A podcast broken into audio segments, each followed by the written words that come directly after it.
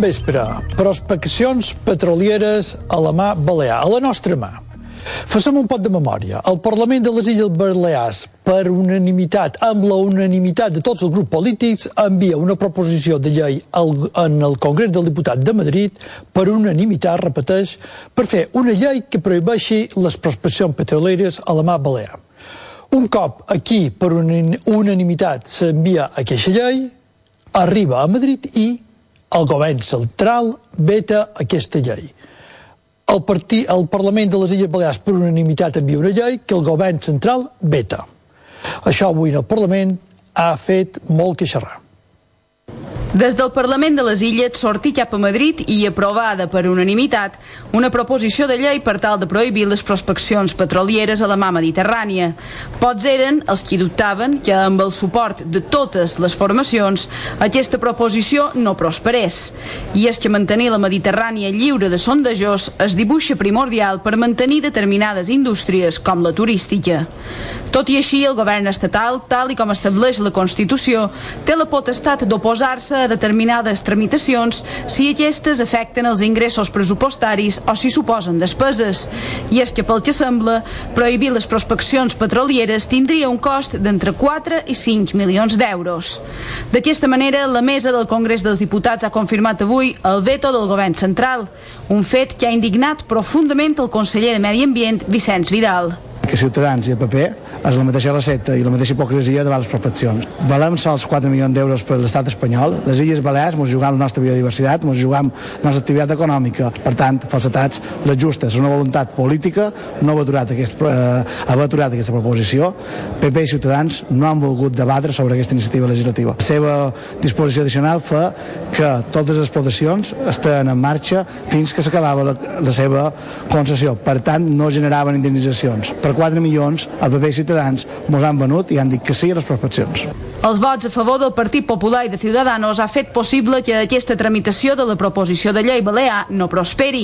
Tot i així, des de Ciudadanos Balears volen deixar clara la postura de la seva formació. Nosotros no votamos a favor del veto. Nosotros eh, lo que hacemos es no oponernos a que el gobierno utilice el artículo 124, pero no nos oponemos porque está en la Constitución. Con este veto que ha hecho el gobierno nos sentimos realmente indignados i, i decepcionados. La majoria de formacions polítiques no han amallat la seva profunda decepció alhora que qualifiquen de ridícula l'excusa d'emparar-se en una despesa de quasi 5 milions d'euros per a no protegir la Mediterrània de sondejos. Se confirma una altra vegada més que aquí, PP i Ciutadans, la gent d'aquí pinta poc en el, en el Congrés de Diputats i en el seu grup parlamentari del Congrés de Diputats. Acaben de votar a favor d'un pressupost que aboca milions, mils de milions en el País Basc, en s'ocupa Basc, i centenars de milions a Canàries.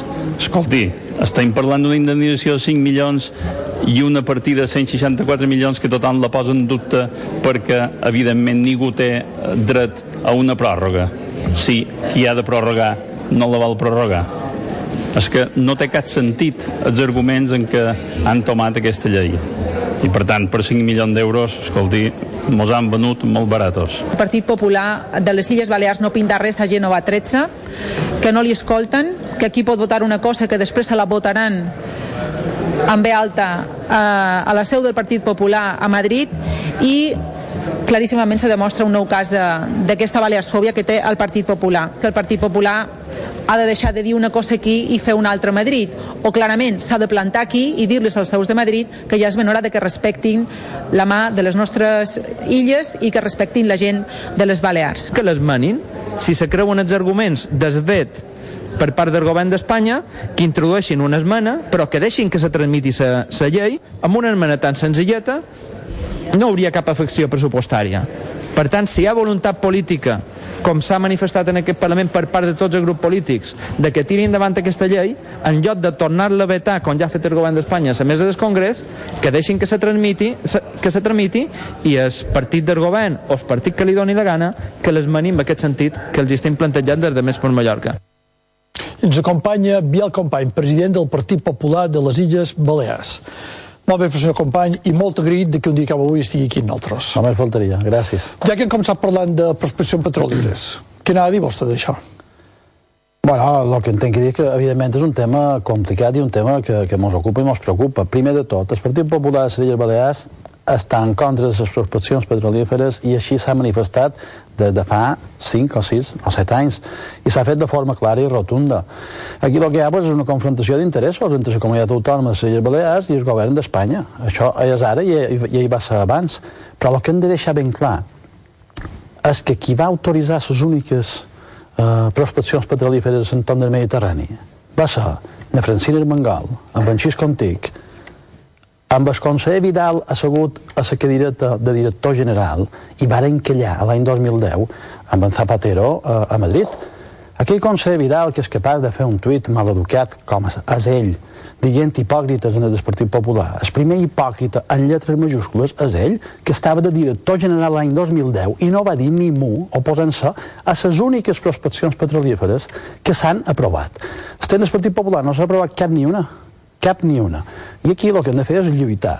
És vera que nosaltres tenim uns interessos a les Illes Balears que podrien ser molt afectats eh, si se donessin determinades circumstàncies. També és vera que mediambientalment eh, la feina que ha fet el Ministeri de Medi Ambient ha estat molt rigorosa i ha permès que no se n'autoritzés cap ni una de les eh, eh, possibles eh, pues, eh, prospeccions que hi havia. I ara? Però què passarà? Bueno, i ara el que s'ha de seguir és fent feina. És dir, jo crec que també hem de parlar de que, i ho vàrem dir quan nosaltres governàvem, el mar Mediterrani és un mar tancat. Que Espanya prohibeix qui fer a un determinat moment prospeccions petrolíferes i no ho faci al nord d'Àfrica, ens pot donar els mateixos problemes. És qüestió de dies que ens arribi un problema d'un puesto de l'altre. Per tant, aquí el que se requereix és que el govern balear faci feina en vez de confrontació, perquè això no ens hem d'oblidar que en Francina Armengol, en Vicenç Vidal, en Biel Barceló, li va de meravella, perquè les és igual realment els fons d'aconseguir que no hi hagi prospeccions. Ells, el gran leitmotiv de, del pacte d'esquerres és mos hem de barallar en Madrid. És dir, no fos cosa mos arreglassin els temes, eh? Ja les va bé al senyor Abriel i companyia que tenia un problema en Madrid. Si els arreglen els problemes, se'ls ha acabat el discurs, no tenen res més. De fet, no governen, només fan oposició a, a Madrid. I ara què s'hauria de fer? Des del govern balear s'hauria d'haver llevat la bandera que nosaltres vàrem començar anant a Brussel·les, demanant al comissari europeu d'aquell moments de Medi Ambient que se començara a fer feina dins l'entorn del Mediterrani per fer un gran pacte a dins del Mediterrani. Això és un tema d'assumptes exteriors, és un tema mediambiental, però que si a Itàlia decideixen fer prospeccions tindrem un problema a Balears, si a Nord d'Àfrica també. En definitiva, jo crec que hem de defensar els interessos de les Illes Balears, tenint clar que a Madrid el govern hi haguis que hi hagi, del color que hi hagi, PSOE, PP, que sigui, pues, eh, vol conèixer quins recursos té i quines riqueses té. Bueno, nosaltres, eh, m'apareix molt bé que ho vulgui saber, però això mos pot fer mal a les Illes Balears i nosaltres hem de defensar els interessos de les Illes Balears, que és en el que ha estat sempre eh, el Partit Popular de les Illes Balears. L'altre gran tema del dia d'avui, per no dir el més gran tema mediàticament xerrant, és Álvaro Gijón, diputat parlamentari autonòmic, regidor de l'Ajuntament de Palma, que avui ha deixat el Partit Popular. Ha deixat el Partit Popular donat que son pare, sa mare i el seu germà estan detinguts dins una investigació judicial que, si me permet que ho digui personalment, no sabem cap on va ni sabem on arribarà. Però el que, el que és cert és que Álvaro Gijón ha dimitit. El vostre ha fet una roda de premsa a baixa, ha explicat com ha passat tot. Per favor, per nostres telespectadors, podria tornar a recordar tot el que ha dit en aquesta roda de premsa? Sí, bueno, no és, no és molt llarg el que he dit a la roda de premsa, senzillament que nosaltres, de fa una sèrie de setmanes, eh, que jo he estat parlant, i també gent de, de, del nostre equip, en Álvaro Gijón, que ho veiem, eh, han seguit amb preocupació, veure els aconteixements com anaven, que Álvaro Gijón no ha incomplit en aquell moments el codi ètic del Partit Popular, perquè no se li ha obert judici oral, eh, i que, eh, home, nosaltres aquells temes eh, preocupen, i evidentment no mos agraden gent ni mitja, com vos podeu imaginar. En Álvaro Gijón, uh, en tot moment, uh, sempre ens uh, ha manifestat que, bueno, que si veia que això podia afectar un determinat nivell en el partit, uh, ell també faria una passa malament el codi ètic no li uh, exigís. Avui de matí hem estat parlant i ell m'ha dit, mira, jo trobo que tenc que fer aquesta passa, tenc que dimitir uh, i jo defens, me defensaré jo, pues, uh, sense que això afecti en el Partit Popular, que és el que nosaltres més que volíem. Ens ha seguit manifestant que ell i la seva família uh, són són totalment, totalment nets del que se'ls acusa, bueno, i aquesta presumpció d'innocència jo voldria pues, que se mantingués a l'espera després de veure aconteixements. Però en aquell moment, Álvaro Gijón ha dimitit, ha dimitit com a membre de, del Partit Popular, com a afiliat, i també no estarà ni en el grup eh, parlamentari popular en el Parlament ni a l'Ajuntament. Però no deixes escons, segons tinc entès. Bien, eh, els escons, eh, igual que l'acte de diputat, és personal.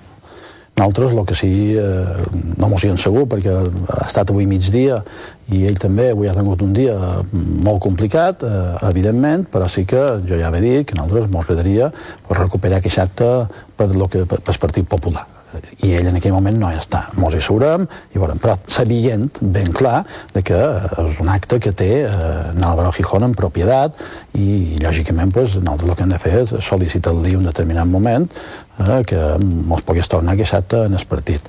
A partir d'aquí és un acte similar, és, una, és un cas similar en el que pugui tenir en, en Seijas, en el Parlament, o també bueno, el que ha passat a dins Podemos, és a dir, que els actes són personals i si se volen tornar, se tornen, si no, no nosaltres, òbviament, eh, li demanarem i, i estarem un poc a veure si, si s'aconsegueix. La Constitució espanyola, l'article 24, defensa la presumpció, d'innocència. Ningú és culpable fins que algú no és capaç de demostrar que ets culpable. Mm -hmm. En Álvaro Gijón ja l'han jutjat i ja l'han condemnat. Ah, jo falta confusió. Bueno, això és el que, que, que demana certa gent, i és vera, aquí s'està produint de fa tota una sèrie d'anys uh, un, un, cas, que és curiós, i és que se, se mesclen molt els poders. Aquí el poder judicial creiem que ha de fer la seva feina, nosaltres jo no ho he dit abans, però totalment respectuosos en la bo que fa la justícia, només faltaria. Ens agradaria que fos més ràpida, perquè a vegades el fet de que és tan lenta produeix eh, pues, eh, indefensions o, o, o problemes a determinades persones que després eh, surten ben nets i ben lliures d'allà on les havien posat inicialment.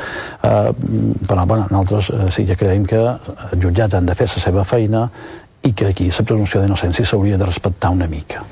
Eh, una mica, perquè si no feien judicis paral·lels, aquesta terra de més són poca gent, mos coneixem massa i te destrossen la vida eh, en determinats temes. No vull dir amb això res més, més que crec que s'ha de respectar la presumpció d'innocència a la vegada que s'ha de deixar fer feina en els jutjats i qui ha de condemnar no ha de ser ningú més que eh, el poder judicial, no han de ser ni el poder legislatiu ni, ni, ni ningú, ni, ni cap medi de comunicació ni ningú, perquè si no eh, no estan fent un bon favor el que és la convivència entre ciutadans.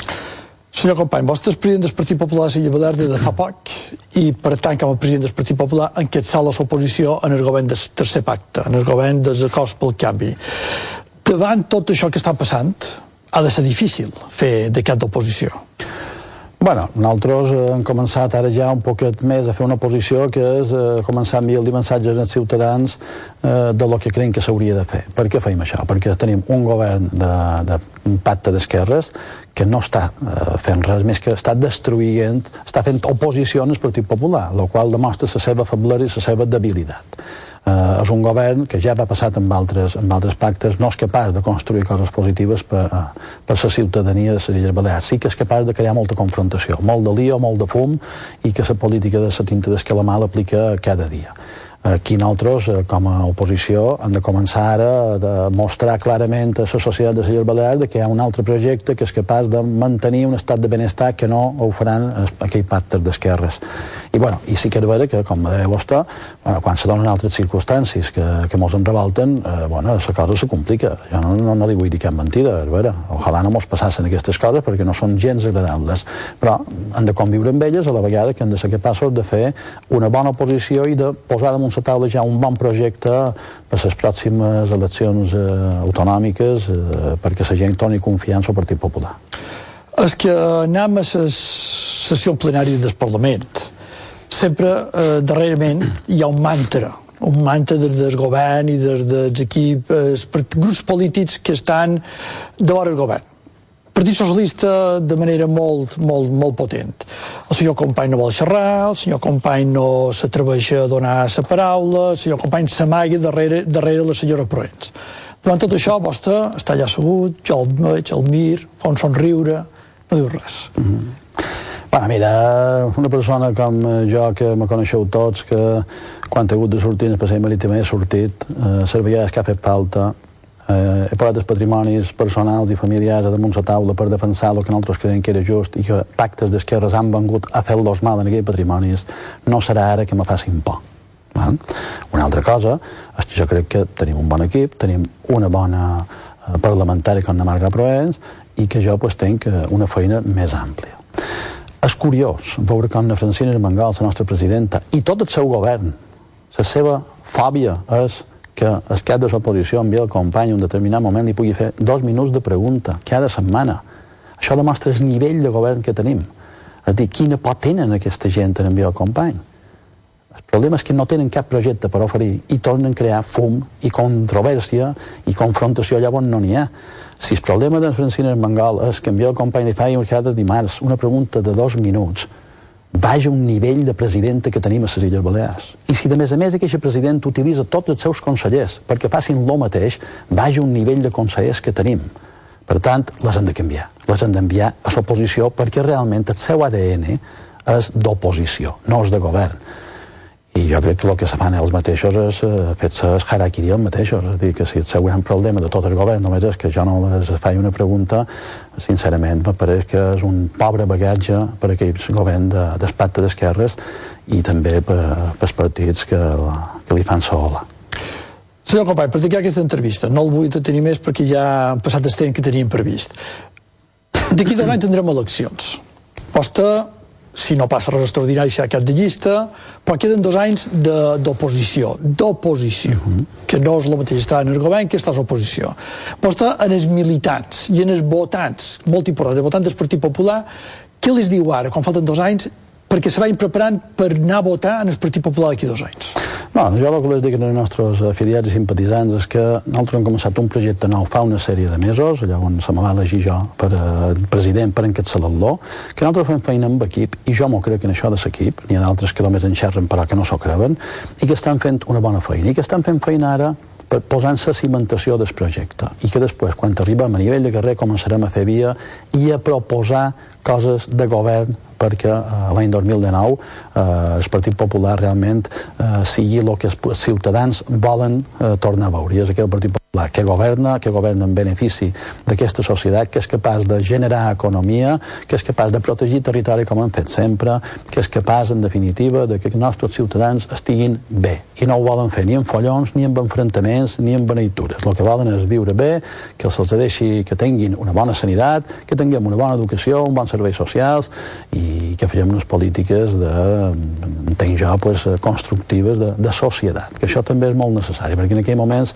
el que fa aquell govern d'especte d'esquerra i el que han fet anteriorment és fer polítiques destructives de societat, van a fer confrontació entre nosaltres mateixos. I la política està per una altra cosa, està per ajudar a que la gent visqui millor. I aquí serà el projecte del Partit Popular. I els nostres eh, afiliats i simpatitzants ho podran anar veient durant aquells pròxims mesos. Senyor company, una vegada més, moltes gràcies per haver estat aquí avui amb nosaltres, un dia tan difícil per vostre i per seu partit. Moltes Molt, gràcies. Moltes gràcies a vosaltres. Moltes gràcies. I nosaltres seguim a l'avui actualitat. Segur que vostès se'n recorden d'aquesta notícia que ha estat eh, portada molt de diaris espanyols, locals i també europeus. La Tintorera, aquest tauró petitó que ha estat nedant per les aigües de la de Palma durant dies i que, pobret, en el final va morir. I d'avui han tingut un especialista en el programa de Tuja del Canal 4 Ràdio que ens ha explicat què és aquest animal i per què li va passar això. Són animals totalment inofensius cap a l'espècie humana. Vull dir, són animals caçadors, això sí, però hi ha molts altres animals caçadors en, a, en el medi marí, com podria ser un dofí, i nosaltres no li tenim por.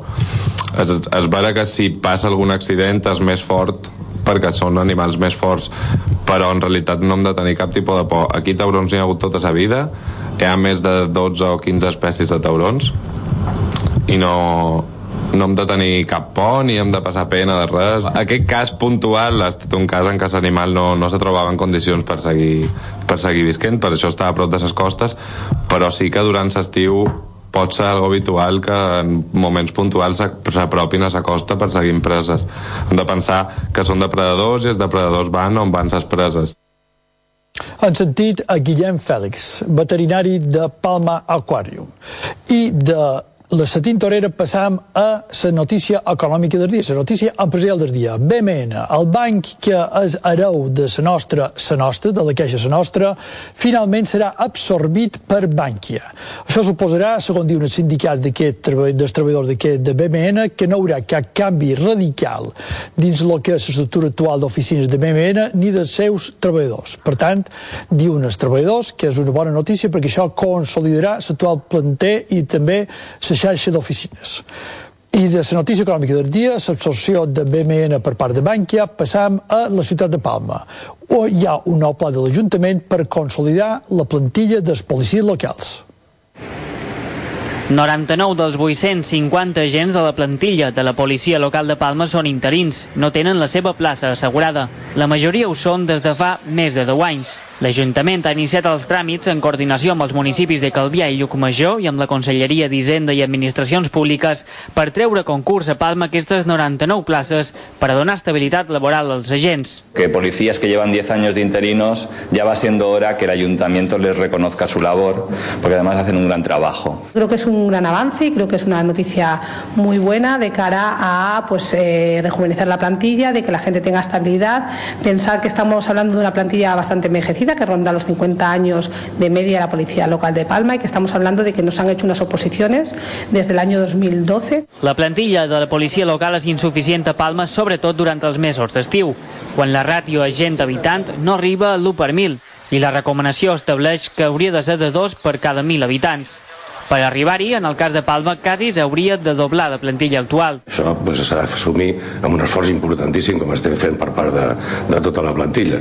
Però pensem també que si no hi ha aquesta regeneració, si no hi ha aquest rejuveniment, és, és molt difícil tirar endavant. L'Ajuntament vol crear més places en el futur, quan els pressupostos generals de l'Estat, els municipals i la llei estatal ho permetin. No podemos, por desgracia, aumentar plantillas, el Estado no nos deja, es algo que los alcaldes llevamos tiempo reclamando, porque es de justicia poder tener más policías, porque hay más necesidades, pero no está en nuestra mano i no lo podemos hacer. Aquesta és només una primera passa en l'oferta de contractació pública a l'àrea de seguretat ciutadana. La seva responsable, Angélica Pastor, ha dit que també es volen oferir places per a bombers de ciutat i impulsar la promoció interna en els dos cossos de seguretat. Abriremos esas, esas dos vías. La oferta pública de empleo por un sitio, que será la de consolidación, y después la tasa de reposición, en función de lo que diga la ley de presupuestos generales del Estado, y después la promoción interna tanto de policía como de bomberos.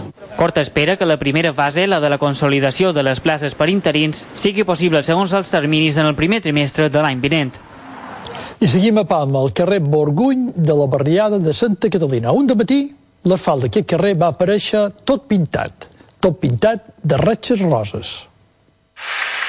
Per a sorpresa dels veïnats de Santa Catalina, el carrer Borguny de Palma va despertar la setmana passada convertit en un carrer exclusiu per a vianants i bicicletes. És la darrera ocurrència que ha pres unilateralment el regidor de mobilitat Joan Ferrer, com així critica el grup municipal del Partit Popular. Una vegada més estem davant un carril bici, davant una zona peatonal que s'ha fet sense xerrar amb els veïnats i sense cercar un consens. A vegades arribes o no arribes, però el manco sense cercar aquest tan valorat per nosaltres consens veïnal que creiem que en qüestió de mobilitat s'hauria de cercar. La nova condició circulatòria d'aquest carrer de penes 30 metres també és polèmic per la seva decoració. Unes línies roses al terra volen imitar, ni més ni menys, que la plaça de Superkillen, a la capital de Dinamarca. Si nosaltres volem tenir un pla general eh, urbanístic que tingui en compte i valori els barris tradicionals perquè fem unes actuacions sense consens en aquest mateix barri que res tenen que veure en la fisonomia d'un barri tradicional. Altres puestos, com per exemple Alicante, on hi ha pues, un carrer o una plaça, en la qual també s'han posat unes línies semblants i on hi ha hagut pues, associacions que han anat en contra d'aquesta actuació perquè pues, persones majors que no tenen estabilitat o que no tenen mobilitat o que poden tenir eh, problemes de vèrtigo. Els canvis a Borguny són a compte del ja polèmic enllaç de el nou itinerari per a ciclistes entre Son Espanyolet i Santa Catalina amb el passeig Mallorca que no ha comptat amb el consens veïnal. A més, ha suposat una minva en les places d'aparcament en aquests barris. Un carrer peatonal més estret doncs, haurà col·lapse i això era una de les queixes més importants també de, dels veïnats. El carril bici ja es va demorar perquè els veïnats del tram que segueix el carrer Borguny es queixaren perquè ocupava una zona d'ús privatiu als molins. A més a més, no s'acompleix l'ordenança de, de bicicletes, l'ordenança que regula la circulació de bicicletes, perquè hi ha d'haver una distància mínima d'un metre o més d'un metre per tal de que puguin passar les bicicletes i en aquell cas no hi ha perquè hi ha unes jardineres, con lo qual... Altres nous carrils bici d'aquesta legislatura a ciutat, com el de carrer Jesús o Josep Metge, també han estat criticats per haver-se executat sense escoltar-se prèviament dels veïnats. I una darrera informació relativa a la ciutat de Palma. El Bala Joseila ha donat explicacions sobre la presència policial a Platja de Palma jo crec que hem començat a disminuir a poc a poc els fets que, que passen a Platja de Palma, però no canviarem la platja en dos estius. Jo mai he dit que ho faríem en dos estius. He dit que ens comprometem a posar-nos eh, en tot el que tenim, en tots els mitjans que tenim a Platja de Palma per començar a canviar. Som la meitat dels cossos de seguretat. Per molt que incrementen la meitat, si l'altra meitat no ho fa, no, no ho aconseguirem. De moment, el reforç de Policia Nacional al mes de juny no està. Si estigués, pues no, ens aniria millor crec que arribarà al mes de juliol però la temporada comença abans. La policia de Palma sí que està per això tot el que tinc com a ajuntament l'estic posant allà. No té més ni un policia més. I una nova aportació informativa del programa Entre tu i jo de Canal 4 Ràdio a aquesta avui actualitat. Francisca Bibiloni, coordinadora autonòmica sobre drogodependències, ens ha parlat avui sobre aquesta xacra moderna de les drogues i l'alcohol ens estem donant compte avui en dia que el consum d'alcohol entre joves ha augmentat moltíssim. I està acceptat, és a dir, no som conscients del perill que I pot comportar. I aquí és, és que els joves eh, no tenen aquesta percepció que abans se tenia com a unes drogues que podien dur molta, per, moltes dificultats, molt de mals, sinó que aquest alcohol, és, la percepció que tenen és que no és perillós, que això no fa res, entens? I aquí és allà un punt allà on volem incidir incidir moltíssim. Clar que sí. Fer una bona prevenció de cara en els nins, en els adolescents, de contar-los que existeixen tots aquests productes, que aquests productes mm, poden causar molt de mal, eh, i, vull dir, i conscienciar-los de que pues, no és un bon camí. Vull dir, ja sé que és molt difícil, que quan un entrava era molt difícil sortir, però ara també Manacor, l'Ajuntament de Manacor i un ample, un ample grup d'institucions i ONGs han posat en marxa una iniciativa conjunta molt important. Fer feina tots junts per donar una mà a aquells nins i nines que viuen enmig de greus problemes. Al municipi de Manacor s'ha constituït la taula proinfància amb la finalitat de coordinar l'administració i les entitats que fan feina amb infants i joves de famílies en situació vulnerable. I formen part la Fundació IRES, la xarxa per a la inclusió social, la Universitat de les Illes Balears, Càritas i l'obra social de la Caixa que té per objectiu bàsicament poder fer feina en detectar les necessitats que tenen els infants en famílies eh, vulnerables per després a partir d'aquesta necessitat que se detectin poder establir una sèrie d'accions que, sigui, que estiguin programades, que estiguin planificades i que ens permetin aconseguir donar a aquests nins i a aquestes famílies els recursos necessaris perquè puguin tenir les mateixes oportunitats que tenen la resta d'infants. Eh, L'administració partim de la base de que nosaltres tenim la responsabilitat possibilitat de rompre el cercle viciós de les famílies que tenen dificultats, d'aquestes famílies que viven immerses en una pobresa, que de vegades no és només una pobresa econòmica, sinó també una pobresa de capacitats, d'oportunitats, i si tenim eh, la responsabilitat de fer-hi feina, perquè sabem que aquests infants tenen moltes possibilitats de quan siguin adults reproduir el model de família que els han tingut. L'obra social de la Caixa Esquí va tenir fa 10 anys, als inicis de la crisi econòmica, la iniciativa de posar en marxa aquestes taules pro infància trencar una mica el cercle hereditari aquest de la pobresa que es va transmetent de, de pares a fills a través d'intervencions eh, integrals amb les famílies que estan en situació de pobresa.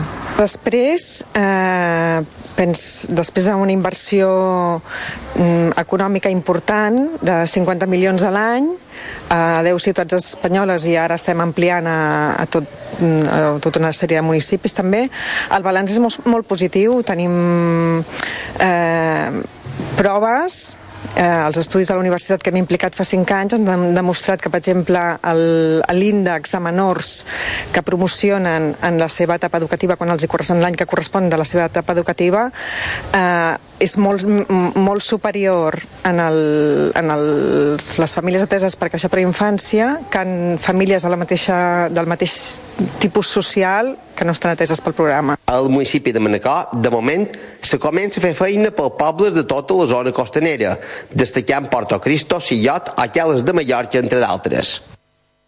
Les festes de Sant Joan, les nostres estimadíssimes festes de Sant Joan, tenen moltes peculiaritats segons el lloc on se celebren. Anem al Sant Joan Pelut de Son Cervera. Cada any, arribat el 24 de juny a Sant Llorenç, en Biel Nicolau es vesteix per representar a Sant Joan Pelut.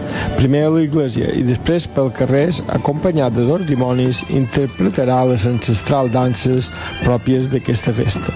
Ja enguany són d'haver 22-23 anys que faig de Sant Joan. Eh, ja m'ho vaig posar perquè els que veren ja havien tornat vells i se volien retirar.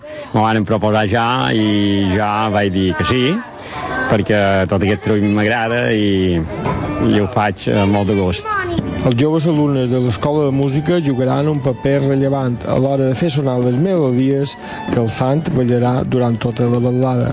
Pues és una tradició que surt un home disfressat de Sant Joan Pelut que surt a ballar antes que nosaltres.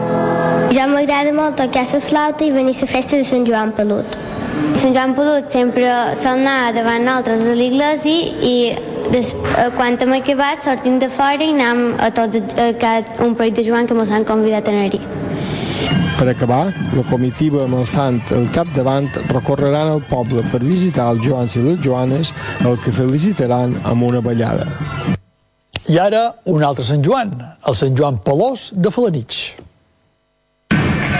Tal i com marca la tradició, el dia de Sant Joan Baptista, Sant Joan Pelós, va tornar a triscar i ballar pels carrers de Falanitx. Un home vestit amb una camisa i calces blanques, faldellí vermell fins als genolls, gereta de reixeta, una cabellera postissa i una corona de llautó es passeja pels carrers més cèntrics acompanyat de músics ballant una dansa de bots i cabrioles. El ball és una espècie de contorsió, a la mà dreta d'una creu que mou de part a banda i està acompanyat d'un violí, tamboret, flabiol, guitarra, guitarró i molts altres instruments que fan sonar la coneguda tonada sempre igual però sempre nova. Cada any eh, sortim a fer la volta per Falanits el dia de Sant Joan i enguany mos toca de matí perquè és un dissabte, és més bo de fer que trobem gent i efectivament la gent ha vengut i hi ha gent per tot.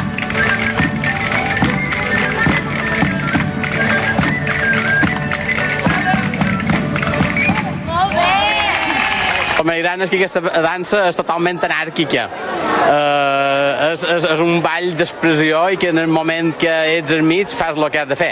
Jo no l'he ballat mai, és que l'ha ballat en Sebastià i ara en Tomeu, però bé, uh, ells saben més com és això del ball, però és una cosa anàrquica, és una cosa que és totalment lliure. Enguany, Sant Joan Pelós ha estrenat ballador. En Tomeu Manresa Socies ha substituït a Sebastià Guingaia, que l'ha ballat els darrers set anys. L'origen de la figura de Sant Joan Pelós és molt difícil d'esbrinar, però ja seria present a Falanits en la seva dansa, acompanyat de les àguiles en aquesta processó a principis del segle XVII. Acabat cada un dels balls, el públic dona unes monedes i a canvi Sant Joan entrega un clavell. Aquest Sant Joan Pelós només balla a Falanits el dia de Sant Joan. L'any passat va ser reconegut pel Consell de Mallorca com a festa d'interès cultural.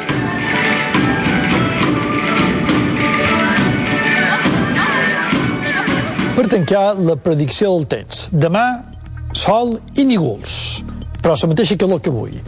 La predicció diu que, per exemple, a la Pobla arribaran fins als 35 graus centígrads. A Eivissa, Palma, Mo i Ciutadella, més o manco als 30. Això és tot per avui. Gràcies per la seva atenció. Fins demà. Molt bona nit.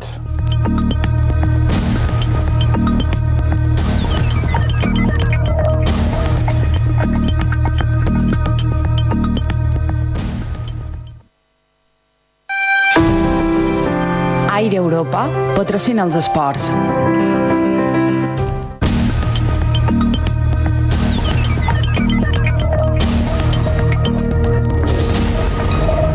Molt bon vespre. Avui, el diari digital Mallorca Esports adelantava amb exclusiva una molt bona notícia per l'esport de la nostra comunitat autònoma. Saben vostres que el Bahia Sant Agustín, el Palma a Europa, cercava un sponsor, un patrocinador. Doncs pues bé, va haver dificultats, va haver negociacions, negociacions que van tornar cap endarrere, però fa tres dies, i més concretament avui, s'ha arribat un acord perquè Iberostar, la companyia hotelera mallorquina Iberostar, sigui el nou patrocinador del Bahia Sant Agustín, que jugarà la propera temporada la Lliga LEP A. És a dir, que Iberostar Palma, Iberostar Bahia Sant Agustín serà el nom que durà aquest equip, encara que això manca per decidir-se a la reunió que tindrà demà a lloc en els locals del Bahia Sant Agustín entre els directius. El seu president donarà a conèixer aquesta informació que adelantàvem amb exclusiva Mallorca Esports i sabrem si decidirà Bahia Sant Agustín Iberostar o Iberostar Palma. Repetim, però la notícia és que Iberostar serà el patrocinador del Bahia Sant Agustín de bàsquet. Enhorabona en l'empresa Iberostar, grup hoteler mallorquí, que ja patrocina un equip de bàsquet de Tenerife i que ha patrocinat i patrocinarà ara l'equip del Bahia Sant Agustín. I atenció perquè demà direm qui ha estat la persona que ha intervengut en aquesta operació i que ha aconseguit que Iberostar sigui el nou patrocinador d'aquest equip de bàsquet. I deixem aquest tema i seguim de bàsquet, és que no aturam. Tenim bàsquet i tenim una gran jugadora, la millor jugadora d'Europa, la millor jugadora del campionat europeu de bàsquet femení. Parlam d'Alba Torrens, que veuen vostres a les imatges. Ha arribat avui a la nostra ciutat, ha estat rebut pel seu padrí, ha estat rebut també pels seus pares, pels donats per amics que s'han congregat. També estava Carles Guanyalós, el director general d'Esports del govern balear. Veiem vostres l'alegria de sa abuela, que està contenta amb la medalla que li han entregat a Alba Torres, que estirà un parell de dies descansant a la nostra illa. Enhorabona idò a Alba Torres, que repetim, ha estat elegida la millor jugadora del campionat d'Europa. Aquí està rebent la felicitat, la felicitació del director general d'Esports. Si ens apareix, anem a escoltar el que deia Alba Torres, que feia un resum de lo que havia estat aquest europeu i que havia estat triada la millor jugadora d'aquest mateix europeu. Crec que molt feliç, no? Ara que han passat dos dies de, després de penjar-nos la medalla, és veritat que, que miram un poc enrere i crec que, que hem fet un gran campionat, uh, no només el partit de, de la final, que també és vera que ens va sortir un partit molt bo i és veritat que, que molt contentes i orgulloses d'haver tornat amb aquest nou Texas. I, i la veritat que hem disfrutat molt de, de cada moment, hem estat contentes dels petits passos, passos que anaven fent durant el campionat, en el moment que ens van classificar per quarts, per les semifinals i en el finalment a, a la final i crec que aquesta és una força que té aquest equip, no? de, de sempre intentar aconseguir nous reptes i sempre voler millorar. I, i jo sempre ho dic, els premis individuals, perquè realment ho penso així, són premis de, de l'equip, tens la sort de jugar un grandíssim equip, eh, molt bones jugadores, que, que molt de moment ho posen tot més fàcil, no? Dius, això, premi més fàcil de, de, de, lo que, de lo que és, no? I la veritat que molt contenta. I jo sempre ho dic, jugar a WNBA jo crec que, que seria una experiència fantàstica, crec que, que com a jugadora és, és, un, és un somni, a tothom eh, li agradaria, però sí que és vera que eh, si no hi ha un any que ho pugui combinar tot, mm, i de, si s'ha si de triar, la meva prioritat és la selecció, sense, sense cap dubte. Enhorabona d'Alba Torrents, que té molt clar. Si pot compaginar NBA i selecció espanyola, són dues coses. Si no, jugarà la selecció espanyola. Alba Torrents, benvinguda a la nostra illa i enhorabona. Un altre luxe d'un gran esportista de la nostra comunitat autònoma. Bueno, deixem el bàsquet i anem a parlar de lo que va passar ahir en el programa Fora de Joc que van realitzar des de l'Esport Bar a la plaça de Calamajor, junt de vora l'hotel Bilif la Cara. Brando va ser el convidat, que ja sabem bastant que va ser triat com a millor jugador de Mallorca per programa Fora de Joc. I Brando va confirmar en el programa de que havia hagut contactes i que hi ha contactes amb el Barça. És per jugar amb el Barça a la segona divisió, que quedi ben clar. Sé que hay interés eh, porque se pusieron en contacto ¿no? con, con mis agentes, pero de ahí a partir de ahí no sé nada más. Eh, es cierto que están peleando para subir a segunda, que lo tienen muy fa- bueno muy fácil. En el fútbol nunca se sabe, en el fútbol nunca se sabe, pero bueno que están para subir a segunda. Y, pero bueno, de ahí ya no sé nada más. Porque como ya te digo, yo volví ayer de Punta Cana y he estado tampoco he estado hablando apenas con, con mi agente. Sabemos que tenemos contrato aquí eh, y que han hablado con Maeta para ellos quieren que me quede aquí en Mallorca pero evidentemente pues nosotros eh, tenemos que mirarlo todo bien. Lo que quiero es lo mejor para el Mallorca y si evidentemente si, hay que, si al final, que no sé lo que va a pasar, si saliera, pues ayudar al Mallorca econòmicamente. Que quedi ben clar, el Brandon té una clàusula de rescisió de contracte de 8 milions d'euros. El Barça el vol, Maeta Molango vol que se quedi, i jo crec que, que hi haurà una negociació entre el representant i Maeta Molango, que per cert està missing, per veure si el Mallorca pot treure una quantitat econòmica interessant. Bueno, i el que va dir ahir és una cosa que tots sabíem. Senyors, que els jugadors són responsables de que el Mallorca hagi perdut la categoria. Los jugadores nos hemos- no hemos estado nada bien, hemos estado fatal, eh, no podemos decir nadie nada, nadie se ha salvado porque todos hemos, hemos fracasado esta temporada, eh, somos los culpables y entonces de ahí pues todo el mundo tiene que saber lo que ha hecho mal. Pues yo, por decirte yo, que soy el que estoy aquí hoy, pues eh, no, no he sido un jugador que ha estado en su nivel siempre, bastantes partidos he estado mal y eso pues el equipo lo ha notado el equipo porque hubo una época que yo era el que marcaba los goles y el equipo pues ganaba o al menos se empataba, se ganaba, se sacaban puntos y por eso te digo que yo tengo parte de culpa, otro tendrá parte de culpa y así pues todos. I han arribat els fitxatges del Real Mallorca. Jo no en conec cap, ni vostres tampoc. Bueno, pues Frank Grima. Frank Grima és un nou jugador del Real Mallorca que ens han comunicat que signarà contracte amb l'equip mallorquinista. Ve del Badalona i juga de lateral dret. Però hi ha altres incorporacions que també han arribat a l'equip mallorquinista. És en Miquel Núñez. Ha jugat amb l'Albacete i ara estava a la Ponferradina. Aquest és el jugador que estic nomenant. I per altre costat també s'ha confirmat l'arribada de Jonathan Nínquez. És del Alcoyano, centrocampista, i ha marcat 11 gols. És dir, duim un lateral dret, duim un eh, jugador eh, que pot jugar de central i duim un centrocampista. Repetim, Fran Grimà, en Miquel Núñez i en Jonathan Níguez, nou jugadors del Real Mallorca segona divisió B. Ens hem d'acostumar a la segona divisió B i en aquests nous, que desconeixen tots. Bueno, anem amb el Baleares. El Baleares, que també està a la segona divisió B i està eh, realitzant noves incorporacions. S'ha confirmat la renovació de contracte del porter del Baleares, Aulèstia. Porter del Baleares renova. I l'altre que renovarà és en Biel Wasp, també lateral esquerre. Són les incorporacions del Baleares. I res més, ara arriba Ana Maria Puiggròs, el seu debat polític, tot quadre, que hi va ser per molt interessant, i avui supos que també ho serà. No se'l perdin. Adéu-siau, bona nit.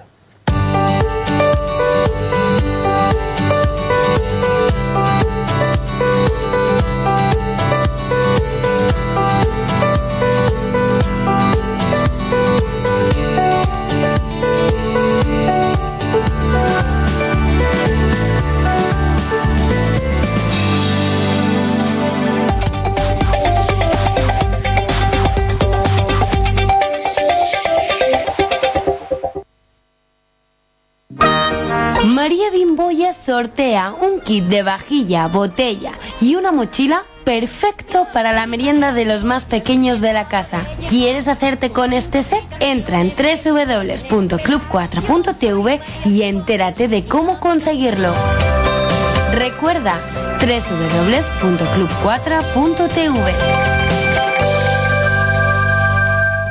En Eroski a Prop, cebolla granel a 59 céntimos kilo, filete de ternera balear granel a 8,99 euros kilo. Supermercados Eroski a Prop, contigo. Rodamont visitarà les festes de Sant Pere a Andratx. Des del 16 de juny i fins al 2 de juliol viu unes festes plenes de concerts, rebel·les, ball i molt d'esport. Fins i tot concursos de paelles i coques, animació infantil, tot tipus d'exhibicions i jocs i la cursa de carretons. Ho podràs veure dimecres 5 de juliol a les 10 del vespre a Rodamont, Canal 4 Televisió. Todos tenemos prisa. Cuando conducimos, cuando estamos esperando, cuando queremos algo que nos interesa. Pero, mm, ¿qué te parece si con Fitwi empezamos una nueva etapa? Más velocidad, más megas y más ahorro. Navega con la fibra de Fitwi a la velocidad de la luz. Fibra óptica sin límites con más de 100 canales de televisión. Y la mejor tarifa plana de móvil. Fitwi, tu operador en Baleares. Más información en fitwi.com. Será una coincidencia que abrimos los ojos al despertar. Que todos los días buscamos nuevas puertas para abrir. Todo necesita abrirse para vivir y crecer. Por eso hemos abierto nuestra energía a la innovación. Porque cuando nos abrimos, el progreso es posible para todos. Gana no hi ha res millor que un poc d'oli balla i olives rosselló. Són ses bones, millor que millor. Nyam, nyam, nyam, nyam.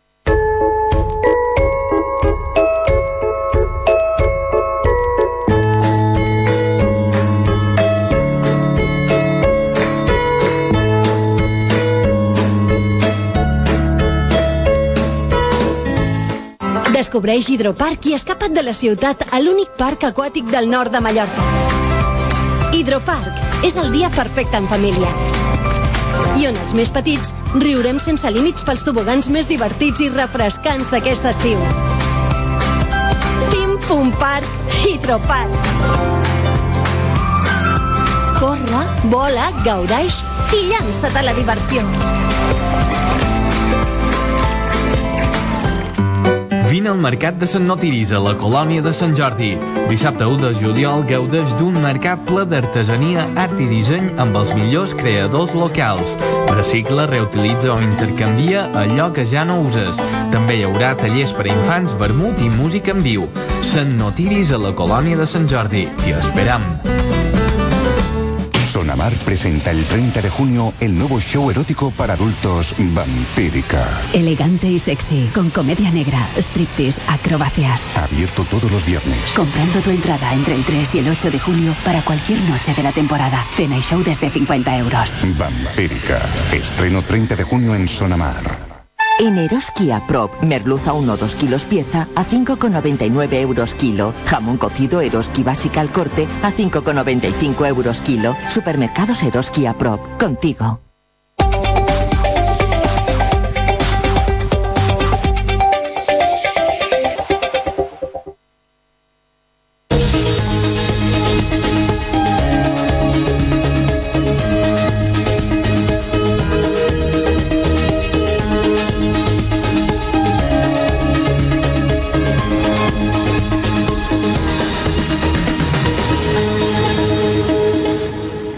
Dimarts 27 de juny i començam el segon dels debats de la setmana, de la darrera setmana de debats. Ja saben que aturam i després, a mitjan setembre o en setembre, tornarem a reprendre. El govern Rajoy ha vetat la proposició de llei que va sortir, en aquest cas, aprovada per unanimitat des del Parlament Balear per prohibir les prospeccions petro petrolieres a la Mediterrània.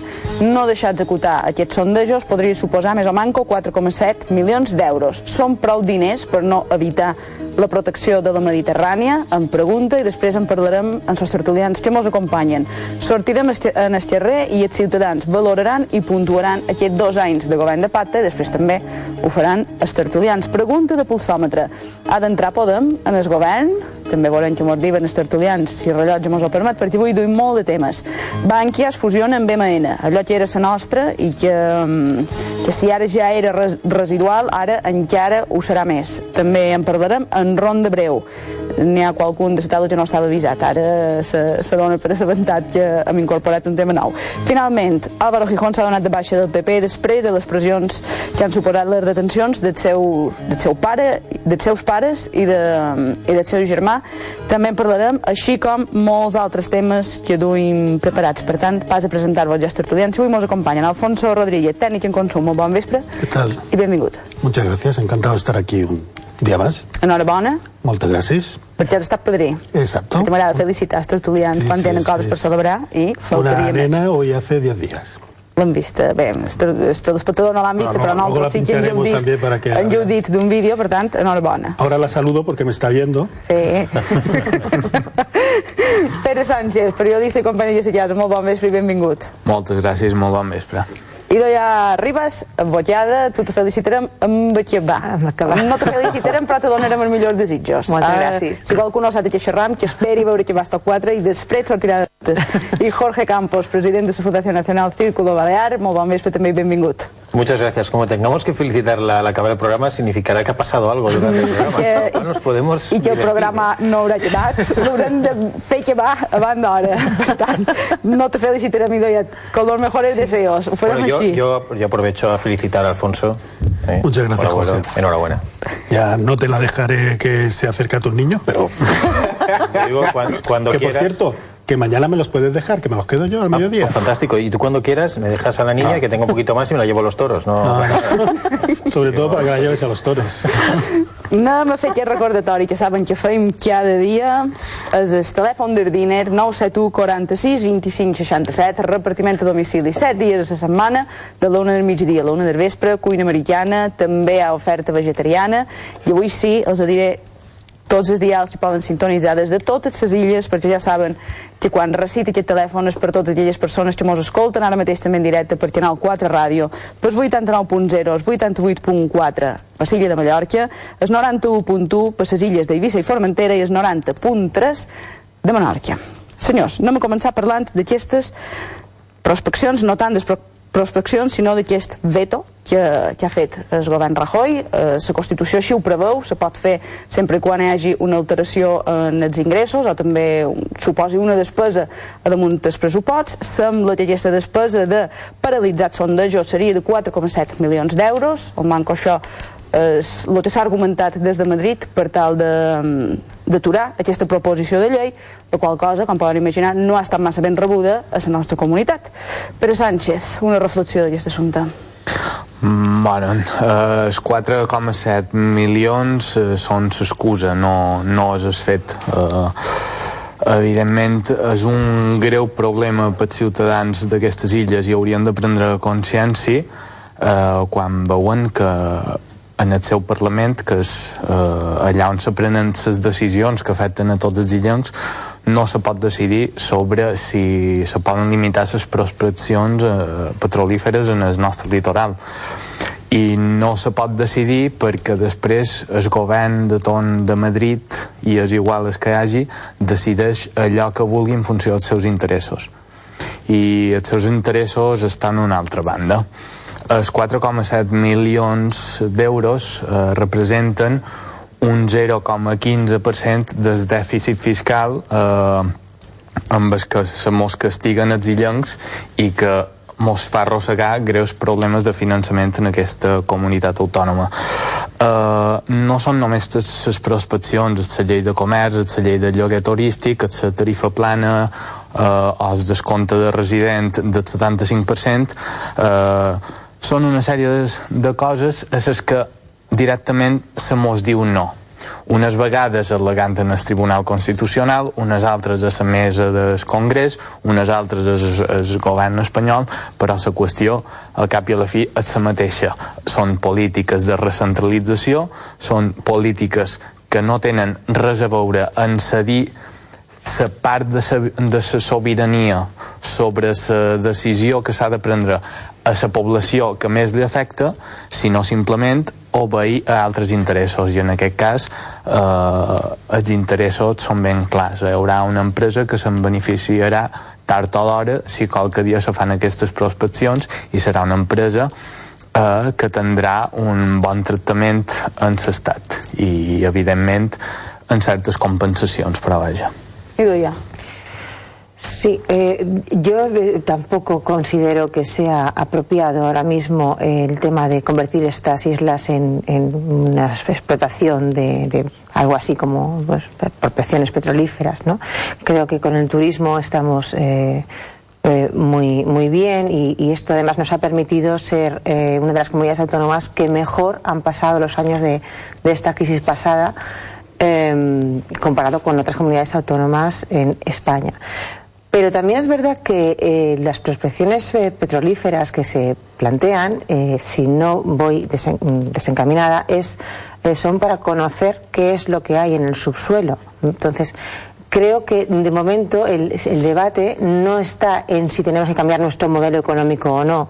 sino en, saber qué es lo que hay en el subsuelo de, en este caso, en nuestra comunidad autónoma. ¿no? Entonces, mmm, entiendo que esto, que si no recuerdo mal, viene de la época de Zapatero, eh, ahora que el gobierno balear, eh, que el gobierno central tenga un, una determinada hoja de ruta que no cuadre con los intereses de los baleares, pues efectivamente es un punto de conflicto, pero tampoco veo que nos veamos amenazados hasta el punto de poder perder nuestro sistema productivo porque se realicen las prospecciones. De todos modos, también es verdad que no queremos prospecciones, pero parece ser que tampoco queremos turismo. Entonces, eso también hace reflexionar eh, hasta qué punto esta turismofobia que hay ahora pues se puede justificar o no. O sea, si realmente estamos todos tan comprometidos y estamos, somos tan unánimes en que no queremos cambiar nuestro modelo lo que no me cuadra es que luego pues nos digan que, no, que tienen que venir menos turistas. Entonces, mm, al final, eh, algo hay que hacer para producir, no vamos a vivir del aire.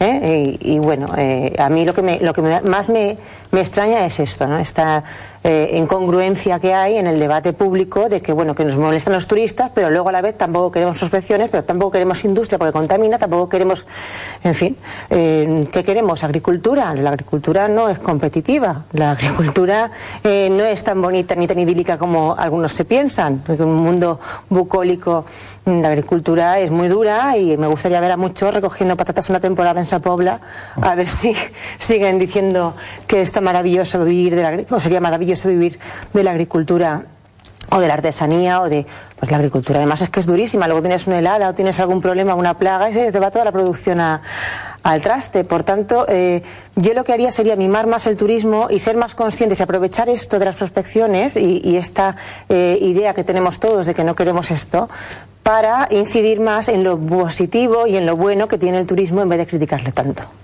Jorge Campos este es un tema eh, sobre el que se ha hecho mucha demagogia y donde se lanzan pues, eh, pues mensajes eh, que son fáciles de calar porque todo el mundo quiere eh, su isla protegida, nadie quiere tener vertidos de crudo y eso es muy fácil.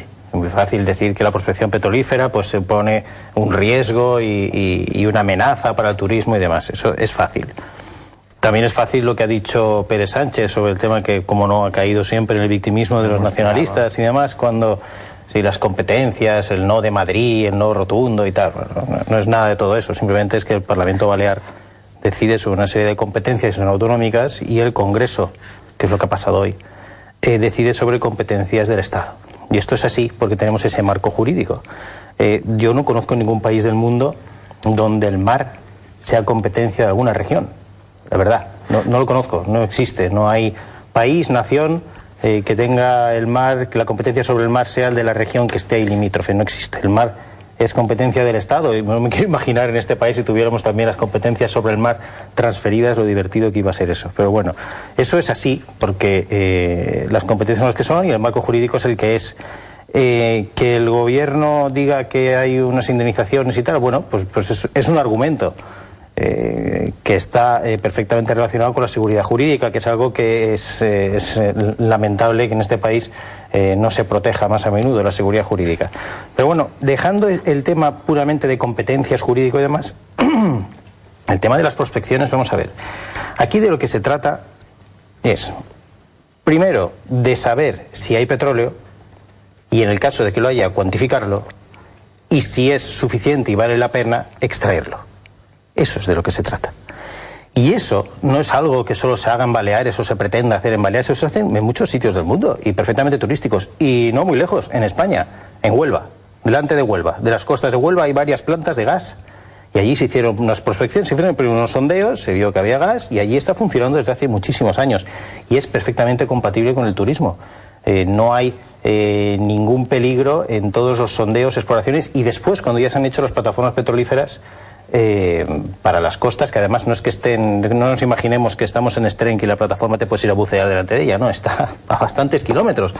Con lo cual creo que hay mucha demagogia, pero si uno va a los estudios científicos, incluso los de la propia WIP de aquí, te dice que es una auténtica barbaridad negarse el famoso no es no. Porque, oiga, es que actualmente en el siglo XXI Todos los sistemas científicos que se emplean para explorar y saber dónde está el petróleo son completamente compatibles, no solo con la naturaleza y el entorno y que no afectan a especies y como todas esas cosas que se han dicho por parte de organizaciones ecologistas, que no es cierto, según no digo yo, lo dicen los científicos que saben sobre la materia, sino que además, eh, si hubiera, significaría, oye, un gran beneficio para el Estado y para todos. Eso de que se le va a llevar el dinero a la compañía petrolífera, de eso nada. Está calculado en mil millones de dólares al año para el Estado. Casi nada, yo creo. Me parece, vamos, brutal eh, poder tener la oportunidad de tener petróleo en España y no sacarlo en base a no se sabe qué, porque tampoco se deja ni siquiera ni explorar a ver si hay. Entonces, con lo cual, yo creo que eso hay que ir con cuidado, porque si no caemos en la hipocresía, que hay mucha hipocresía en este tema, porque aquí todo el mundo quiere llegar a su casa, encender la luz, venir el verano y poner aire acondicionado, eh, tener frío en invierno y poner la calefacción. Eh, todo el mundo quiere eso, pero no queremos ni petróleo, no queremos centrales nucleares, no queremos nada. Queremos comprarse la Francia